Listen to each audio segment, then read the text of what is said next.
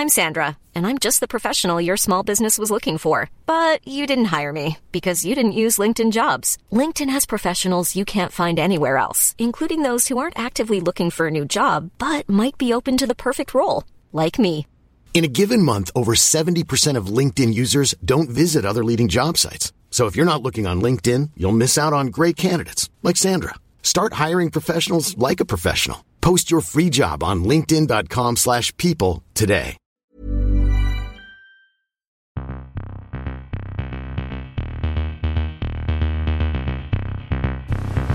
Guten Tag. Meine Herren, es gibt vier Fragen, vier Antworten. Die Fragen, die stelle ich und die Antworten gebe ich auch. Da lache ich mir doch einen Arsch ab. An Stefan Effenberg kann man nicht zerbrechen. Ja. War das klar und deutlich?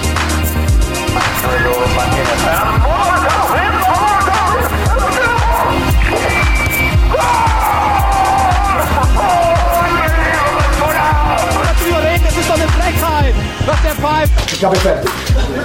Välkommen till ett nytt avsnitt av Stamplats. Det är måndag den 12 juni. Klockan är 09.04.25. Och eh, det är sammanlagt 368 dagar kvar tills vi kommer se öppningsmatchen i München EM 2024. Är du taggad Filip? Jag är mest hänförd av att uh, du inleder med alla dessa siffror. Men det är väl klart att man är taggad.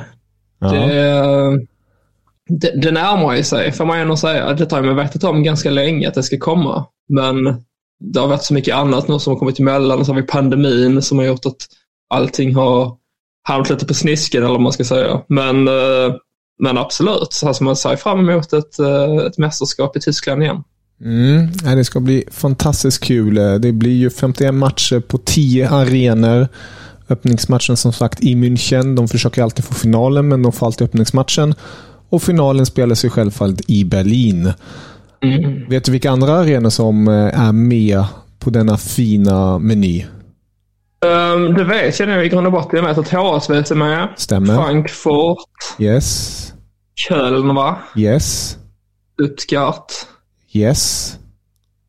Uh, Dortmund måste vara med. Yes. Är Schalke så som är? Yes. Ja, jag tycker det är lite för många på, på ett och samma ställe, men samtidigt... Det är smidigt. Men sen är det Ja, en det kvar där vi satt. Eller två kvar. Mm, jag vet ju att det är... Jag sa Stuttgart va? Ja, det har du sagt. Det var jättebra. Sen eh, tänker jag det är Leipzig är det väl också Stämmer i, bra det. i öst. Precis. Sen har jag för mig, sjukt nog på tal om att saker och ting ligger jämmer till och som jag egentligen inte tycker borde vara en arena för detta, men det är att Düsseldorf också har. Helt rätt kompis. Full pott. Jag, har jag tagit alla tio? Det har tagit all tid. Eh, Olympiastadion och München hade vi ju redan nämnt, så det, de hade ju ändå redan Men de tagit. är ändå självskrivna. Exakt. Ja, fan det kändes ändå som att det var någon jag skulle, skulle förlora på. Jag var lite så här, ha Bremen, men nej, jag är ganska säker på att de inte fick. Och den tar ju bara 42 000. Så, Ja, det gör ju också bara Leipzig. Eh, Jo, men jag tror att man måste ha någon ja. ute i öst också. precis. Men det, det är nog så att det är München i syd och Stuttgart till viss del. Men det är nog en bit mellan Stuttgart och München. Mm. Ja, Sen är det Hamburg i norr. precis. Och sen har vi då Berlin, Leipzig i öst. Det är som en bit Mm. mellan de två städerna. Men annars, alltså ja, okej, Frankfurt ligger inte heller i den smeten. Men Nej, det är Köln, lite, lite utanför, men det är ju Dortmund, Schalke, Düsseldorf och Köln. Det är ju det är Mm. stenkast från varandra. Det får man ju säga. Så att, jag vet inte hur de kommer förlägga gruppspelen, men eh, de kommer nog ändå sprida det lite. Jag tror inte att de har en grupp där alla matcherna går i Ruhrområdet där. Nej, vi har ju till exempel Leipzig har vi en åttondel.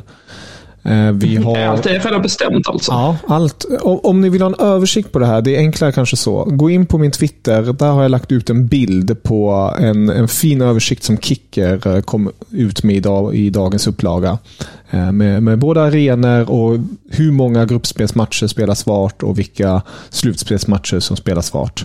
Jag kan säga kan man säga som så här Ja. att jag tror redan att alla som lyssnar följer dig på Twitter, men annars det är ju där man får all information snabbt och lätt med den tyska fotbollen. Det är ju inte mycket du missar att lägga ut känns det som, som är av värde. Ja, jag försöker. Jag försöker hålla igång. Men eh, apropå landslagsfotboll är det ju match nummer tusen idag för Tysklands del. Och vill du ha ett lite siffermagasin? Ja, bomba på. Ja. Vi har ju match nummer 1000 då, Tyskland mot Ukraina. Det är en vänskapsmatch, men den är nog väldigt viktig för Tyskland. För det här är ju på något vis på början inför EM. Flick kommer ju testa en trebackslinje ikväll, det vet vi om. Eh, och det kommer också vara mycket som står på spel, ändå om det är en vänskapsmatch. Men bara för att ge en liten historisk grund till Tyskland och alla dess matcher. Match nummer ett spelades den 5 april 19 1908. Det var mot Schweiz. Det blev en förlust där, 5-3. Och av, av, de 999 matcherna som Tyskland har spelat har de mött 92 motstånd. Och av, av de här 999 matcherna har de vunnit 578, kryssat 207, förlorat 214 och en målskillnad på 2250 gentemot 1174. Och nu kommer två snabba frågor till dig som jag oh, inte tvekar en sekund på att du kommer svara rätt på. Vem har spelat flest landskamper för Tyskland? Beckenbauer. Aj, kompis. Nej, det är ju inte det. Det Gerd Müller? Nej, fan jag måste klippa bort det. nej, nej, nej, nej. Detta ska vi behålla. Uh, det står still i huvudet på mig. Nej, det, det är ledsen. Det ska sägas att Filip har precis vaknat. Um, mm. Och uh, han är ju från Hamburg också. Det ska sägas. Ja, men jag skulle säga, är det Ove Seeler då? Nej, nej, nej. Du, du är från Hamburg tänkte jag säga. Det är inte, ja. inte den här mannen. Det är Lothar Matthäus självfallet, kompis. Ja, men, oh. Det vet du om. Jo, det är klart jag vet det ja, egentligen. Det vet du om. Det... Uh, men det som jag sa till dig också innan vi skulle spela in och då påminner mig om landskamperna så sa jag att jag, det har helt liksom fallit, du har skalat bort, bort från mig. Mm. Den tyska landslagsfotbollen. Mm. Uh, så det är bra att du friskar upp mitt minne. Mm. Nej, men jag förstår mitt kast och skämmas lite. Ja. Uh, men det är 150 ja. landskamper där för Matteus. Mm. Vill du gissa på plats två och tre? Du har inte nämnt namnen Nej. kan jag säga. Vill jag det? Nej, jag, Nej, du hoppar. jag håller mig till den hyfsat moderna fotbollen, det vill säga från 2010. Ja, de har spelat där. De, har, de, de är väldigt starka profiler, som vi har nämnt flertals gånger i den här podden. Men uh, ja. Uh, nej. Han är... Nä. Nej. Gud, jag är så taskig. Nej, jag kan, nej. jag kan säga här. Det är Miroslav Klose på plats två, 137. Mm. På 130, lite överraskande tror jag för den större befolkningen, tänkte jag säga, men eh, den större mm. mängden. Det är Lukas Lu Podolski eh, på 130. Sen har vi mm. Basti Fantasti, 121, tillsammans med Thomas Muller på 121. Mm. Det är stark, starka namn där uppe. Men om vi tittar till målen då. Där vet mm. du vem, vem som har gjort flest mål. Gerd Müller, såklart. Nej. Nej, ja, men sluta. Vänta, när han blev slagen, ja. Ja, av Klose. Ja, just det. Ja. Tack. VM, hade 68. VM 2014. Exakt.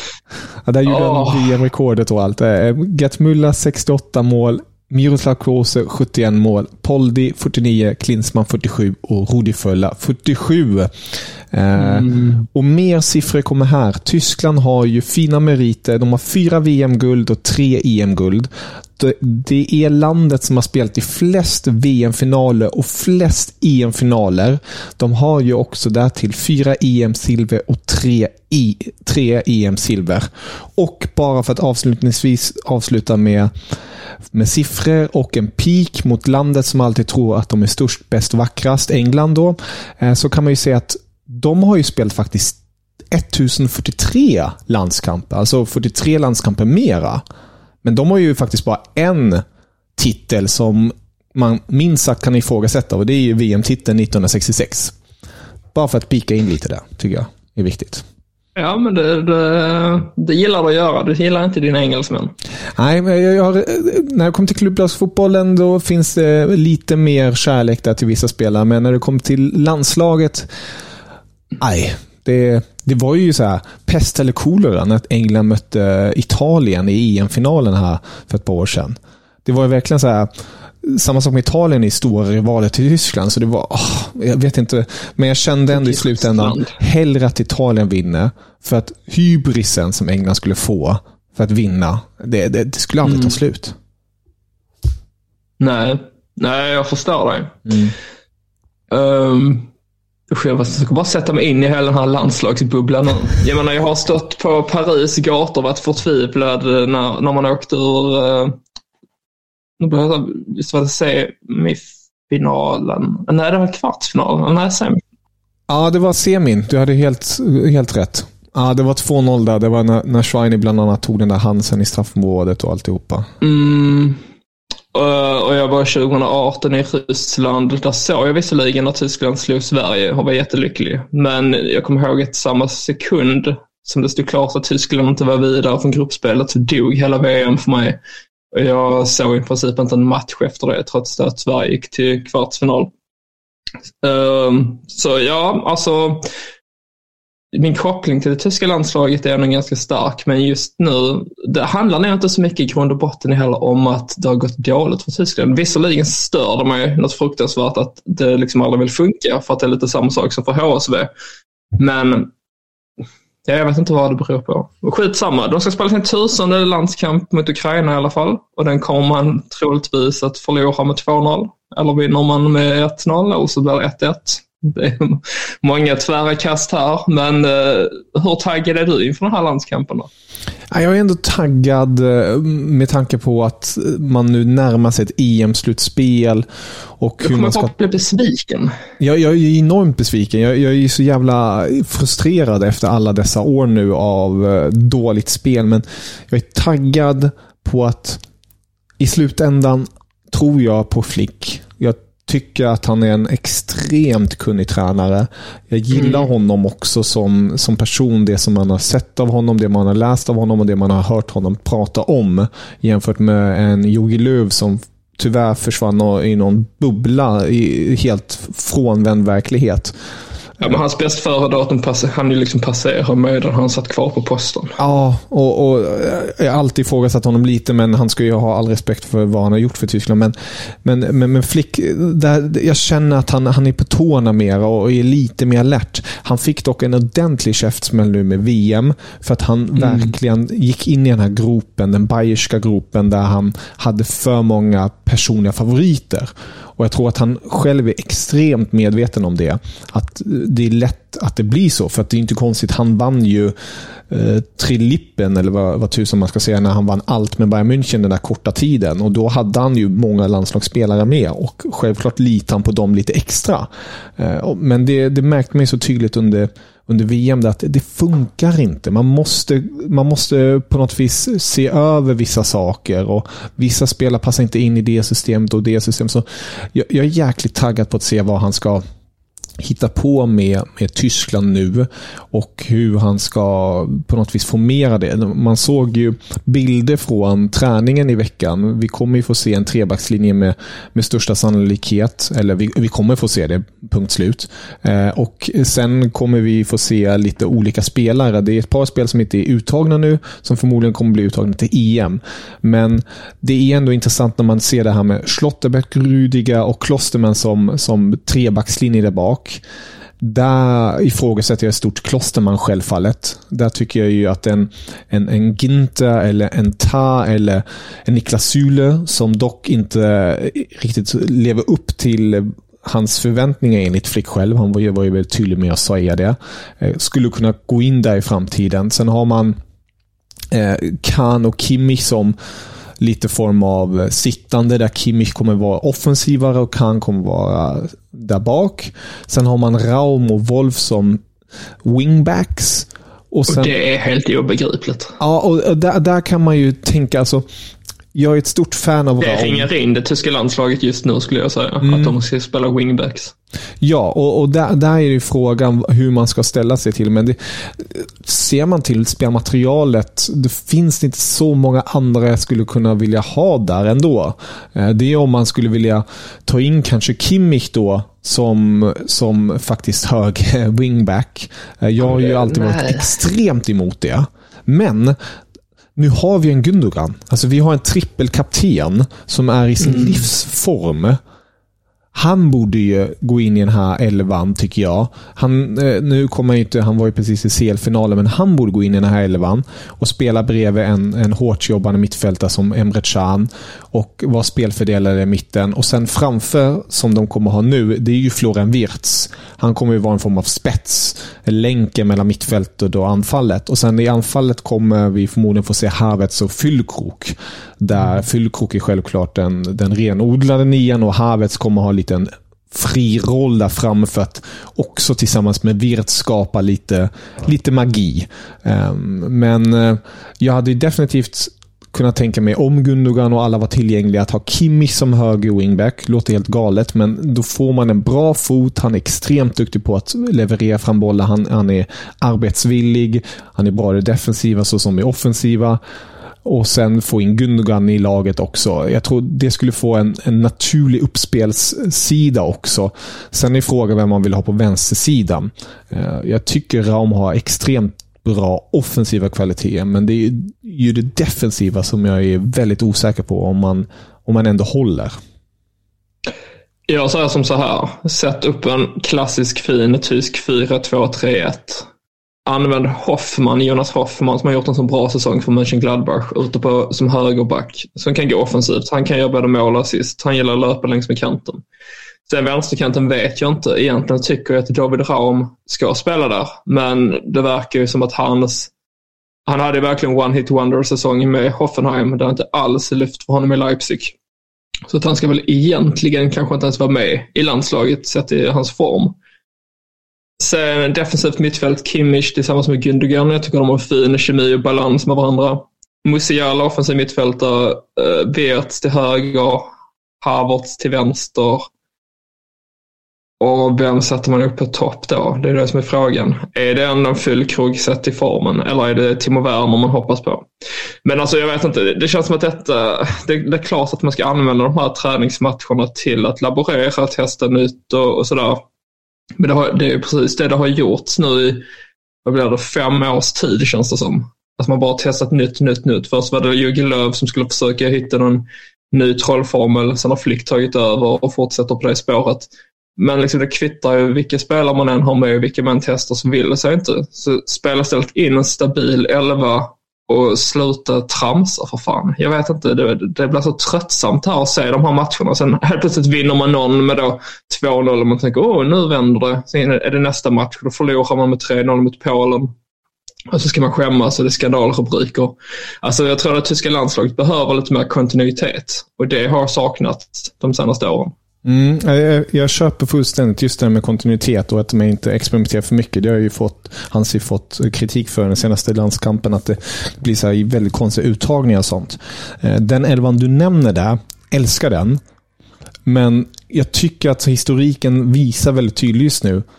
Tyskland är för dåligt defensiva och den där elvan, så mycket som jag älskar 4-2-3-1 uppställningar, så, så finns inte balansen där. Eh, speciellt med en Gundo Kimmich. Alltså, för det har vi sett nu Bayern München när Kimmich spelar en, bredvid en Goretzka. Alltså det, blir, det blir potatis av det hela. Alltså riktig eh, mjölig potatis. Det, det, blir inte bra.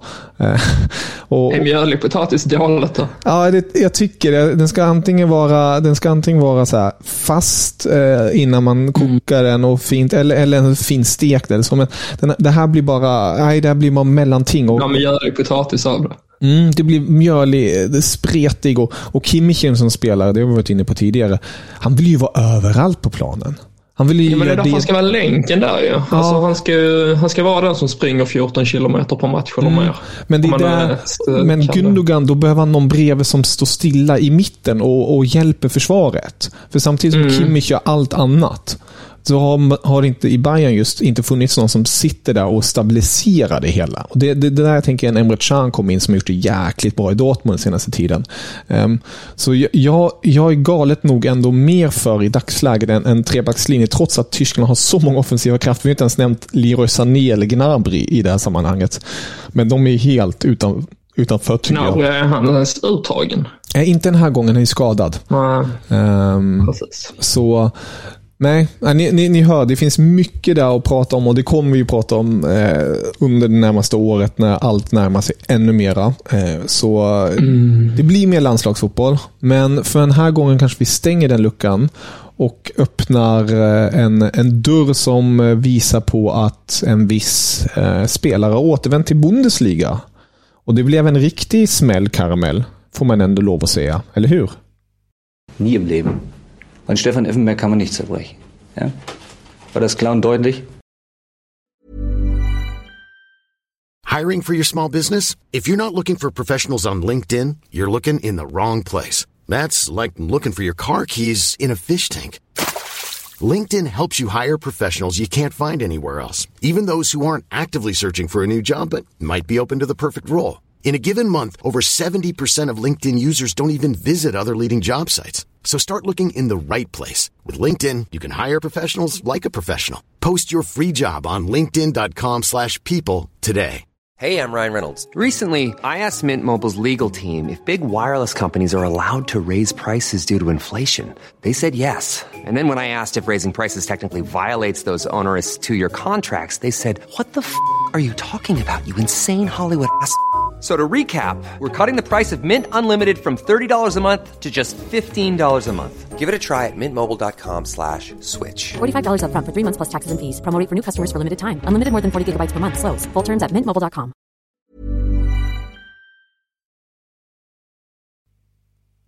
Usch, nu står still i huvudet på mig igen. Har vi en spelare som har återvänt?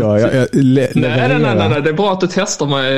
Jag tycker ändå att jag brukar... Så jag tog alla arenorna till exempel. Mm. Du, du, alltså, så här, men det här är ju jättesvårt. Du vet inte ens vad jag vill gå in på. Det, det är transfers och det är Nabi Keita. Jo, det förstår jag ju. Mm.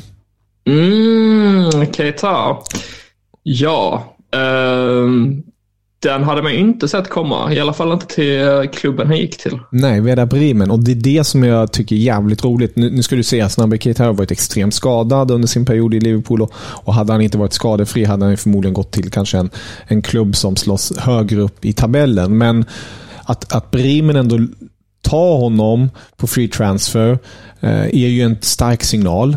Eh, det har ju till exempel en Niklas Füllkrok pratat om att han vill att Bremen ska på något vis stärka sig. Och det, kan också vara en signal till att Niklas Fylko kanske i slutändan stannar i Bremen, lite som vi var inne på förra avsnittet. Mm. Ja, alltså det jag tänkte främst när jag såg den här övergången. Jag blev väldigt överraskad ändå att han valde att gå till Werder Bremen. För det är allt annat än ett säkert kort. Alltså jag menar förra säsongen, eller vad man nu ska benämna den som fjolårssäsongen. Det, då spelar man ju i Schweiz. Mm. Nu har man gjort sin första säsong i Bundesliga. Och det, där överraskar man ändå. Han gör en positiv säsong. Mm. Uh, nu förlängde man ju precis med tränaren Olle Werner också, som har varit väldigt stabil och bra. Men det är ändå många frågetecken. Alltså den andra säsongen, det brukar heta att den är svårare än den första. Mm. Och lite så känner jag ju att det kanske kommer att bli här för Werder Bremen, beroende på hur man agerar under sommaren såklart. Mm. Och då tror jag ju att det är ett jäkla statement både för fansen och för truppen i övrigt att man plockar in en spelare som Naby Keita i det här tidiga skedet. För det bevisar att man verkligen tror på det här projektet man håller på att bygga upp och att man har någonting på gång. Och det får ju kanske de här då Marvin Duk och Niklas Füllkrug framförallt som är de två som har ryktats bort mest. Att få dem att tänka om kanske känna att men det här, den här resan vill jag vara med på. Jag, jag vill bli kvar i Bremen. Mm. Så det är väldigt smart. Sen är jag ju ändå lite tveksam till om Keita kommer mm. vara den värvning många tror och hoppas. Jag tror ändå att han kommer, han kommer förmodligen vara skadad en del, mm. tyvärr. Men jag tror ändå att han kommer kunna tillföra en hel del eh, till, till det här Bremen. Speciellt bara med erfarenheten och, och man får ju, jag kan bara pra, prata om egen erfarenhet, alltså när man, nu har jag inte allt spelat på den nivån, men när man väl spelar bara fotboll och man vet att man spelar bredvid någonting, någon som är så rutinerad. Man, mm. man, man får ju ett lugn på annat sätt i kroppen, tycker jag personligen. Ehm, så jag tycker det ska bli väldigt intressant att, följa då hur detta ska fortsätta. Och jag tycker redan nu, det här kommer ju det kommer bli svårslaget på något sätt att toppa den här värvningen om man utgår från vilken klubb han gick till och, och vilken spelare det är och sånt. Alltså det, det är ändå ett stort namn på det sättet.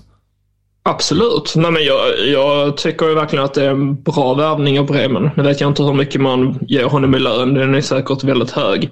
Och sen har han väl ett kontrakt. Var det, det ryktes som ett treårskontrakt mm. fram till 2026 sa jag. Men det är väl inte uttalat än. Nej. Men alltså som profil. 10 av 10 värvning definitivt. Men som spelare skulle jag säga att det är lite 50-50. Alltså jag tror att oavsett nästan vad som kommer hända under sommarens övergångsfönster så tror jag ändå att han kommer ta plats på min lista över de mest spännande mm. övergångarna under sommaren. Mm. Men eh, lika mycket som jag kan säga att det blir en fantastisk värvning för Bremen om man får det här navet och ledaren på mitten. Så kan jag också säga att som du säger att han kommer att vara väldigt mycket skadad och att han kanske inte alls hittar tillbaka till den uh, Keita han var framförallt i Leipzig då innan han gick till Liverpool. Och det är nog fem år sedan han senast spelade i Bundesliga. Ja. Så det är ganska lång tid. Så att det är ett osäkert kort så tillvida vad han kommer kunna tillföra rent spelmässigt. Men uh, jag tror att det är ett smart drag oavsett vad till att kunna bygga ihop ett väldigt starkt lag här under sommaren för deras del. Mm. Jo, det ska bli väldigt roligt att se vad Bremen kan koka ihop där. Och apropå övergångar och sånt kan vi också meddela att en viss Knauf, Anska Knauf, mm. är nu officiellt helt Frankfurt-spelare. Han var ju utlånad från Dortmund, men nu är det officiellt att Knauf är eh, klar för Frankfurt för att stanna. Och när Glädjande. Jag trodde faktiskt att uh, det skulle skita sig. Jag hade mm. det lite i åtanke tidigare. Att vad, vad kommer hända med honom nu egentligen? För att han gjorde en väldigt bra lånesession hos Frankfurt för förra mm. säsongen. Han anslöt till våren och gjorde det väldigt bra och var involverad i att Frankfurt till slut vann Europa League-titeln. Mm. Sen förra säsongen, då tänkte man ju att ja, men nu kommer han verkligen explodera och kanske vara en av ligans största utropstecken. Men det blev en väldigt uh, slätstruken uh, vända för honom. Så att jag tänkte kanske att de skulle skita i värva honom. Men väldigt positivt. Jag tror väldigt mycket på Knauf fortfarande. Mm, det gör jag också. Och Knauf har också fått en ny tränare tillsammans med Hugo Larsson och resten av Eintracht. Det är ju att det blev, ja, i skrivande stund, eller talande stund i princip. Dino Toppmüller är nu klar för mm. Eintracht. Och det är jäkligt kul. Framförallt så är det ju ett 10 av 10 namn. Ja, det är Dino det Toppmöller. Alltså, ja. Men du, ja, du har ju ganska bra koll på honom. Han har ju varit i, i Bayern München, mm. figurerat. Stämmer bra. Tror du, tror du av magkänslan och expertisen att det är ett bra val för Frankfurts del? Ja, det tycker jag ändå. Jag tycker det är smart av dem att de inte går på ett större namn likt många andra klubbar försöker göra nu, där det jag vet inte, där, där det krackelerar lite, där det är stora egon. Den bilden jag fått av Dino, Dino Toppmüller är att han är, han är sympatisk, han är, han är open-minded, han är väldigt duktig på att ta in och, och jobba med människor. Han var ju Julian Nagelsmans assisterande tränare i Bayern-tiden. Han jobbade även Eh, med honom i Leipzig. Det är så han känner då Markus Krösche, nuvarande sportchefen i Eintracht och före detta sportchefen i Leipzig. Så det finns en, redan en, en connection där och han är väldigt duktig utifrån det man såg i Bayern till exempel, hur han jobbar med stjärnor och instruerar dem och allt sånt. Sen ska man ju säga, mm. det här är ju... Eh, det, fotboll ligger ju i blodet. Han är ju son till Klaus Toppmöller.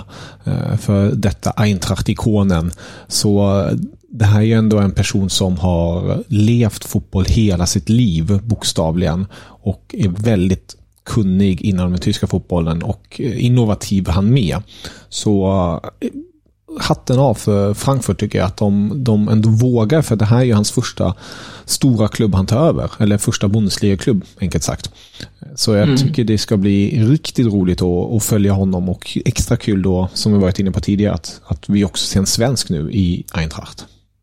Precis. Men jag tänker den här trenden med lite oprövade kort på tränarbänken, det har vi ändå sett nu de senaste åren. Mm. Det var ju verkligen Julian Nagelsmann som satte, som satte den agendan, eller vad man ska mm. säga, när han fick ta över då, när Hoffenheim krisade 2016. Mm. Och sedan dess så har det blivit allt vanligare. Så att jag tycker inte det är ett galet drag som Frankfurt står för. lite vågat absolut, men samtidigt sett till hur det ser ut på tränarmarknaden just Mm. nu så tycker jag nog att det är helt rätt väg att gå. Och det, det är liksom, tysk fotboll har länge varit känt för att man tar fram talanger och varje säsong så ser vi nya namn som Mm. blixtrar till och, och, och nu har det även spridit sig till tränarbänken. Jag är bara väldigt glad och, och lycklig över att den tyska fotbollen även är som föregångare när det kommer till tränarna. Att även unga namn får chansen att bevisa sig. Och för många så går det faktiskt ganska bra ändå. Så att eh, det är en kul trend att se och jag tror också spontant att det här kan bli bra för Frankfurt. Även om det såklart är väldigt ovisst både när det gäller Toppmöller och, eh, och för lilla Hugo Larsson som då ska försöka slå sig in i Frankfurt från och med nästa säsong här. Mm, det ska bli väldigt spännande och följa utvecklingen även där. Är det några andra punkter som har kommit upp som du skulle vilja få ur dig? Alltså det är en sak jag har tänkt lite på. Mm. Eh, och det var egentligen redan förra sommaren. För det var ju när Jordan Larsson blev klar för Schalke. Så kommer jag ihåg att jag sa att det är synd att det inte var säsongen dessförinnan om man spelar i Schweiz. För det tror jag hade varit en väldigt bra övergång för honom än att börja i Schweiz där Schalke var tippade till att vara ett topplag och inte gå till Schalke som var tippade till att vara ett bottenlag. Och mycket riktigt så hade han ju väldigt svårt att bevisa sig i Bundesliga. Och jag tror att en säsong i Schweiz eh, hade varit bra för honom. Nu eh, spenderar han ju sista halvåret här på lån i Köpenhamn och det ser väl ut som att det är väl mycket som talar för att han kommer vilja köpa loss honom även om det sägs att man inte är beredda att betala utköpsklausulen. Men Mm. om vi då ska, ska säga att det skulle skita sig för FCK och Schalke att de inte kommer överens och Larsson blir kvar i Schalke. Tycker inte du då att han borde stanna och, och slåss om sin plats i Schweiz där och försöka liksom få igång karriären i Tyskland? Ja, det hade varit väldigt kul tycker jag personligen. Det hade det verkligen varit. Eh, Och jag tycker du är helt rätt på det. Han hade mått bättre av Zweite Bundesliga som vi har sett många svenskar göra det steget och så.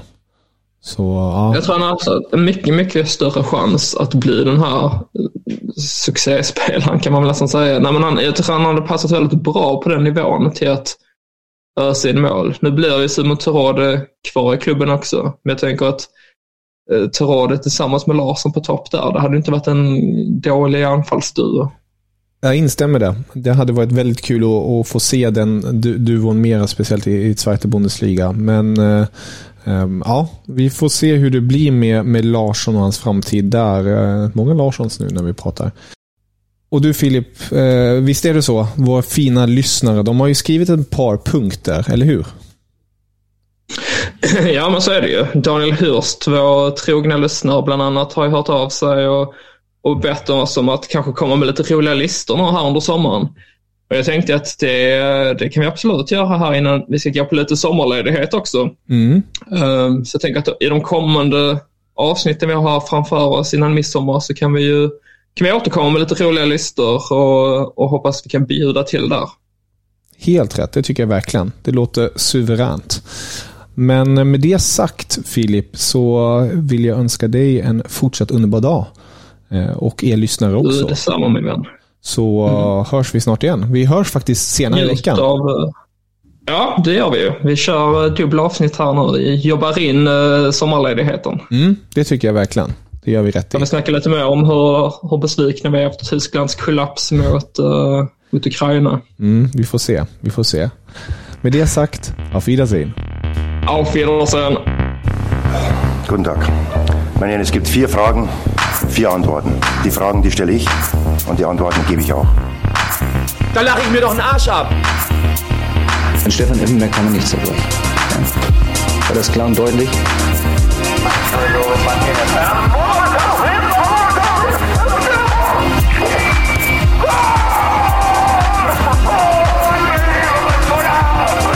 Das ist doch eine Frechheit, was der pfeift. Ich habe fertig.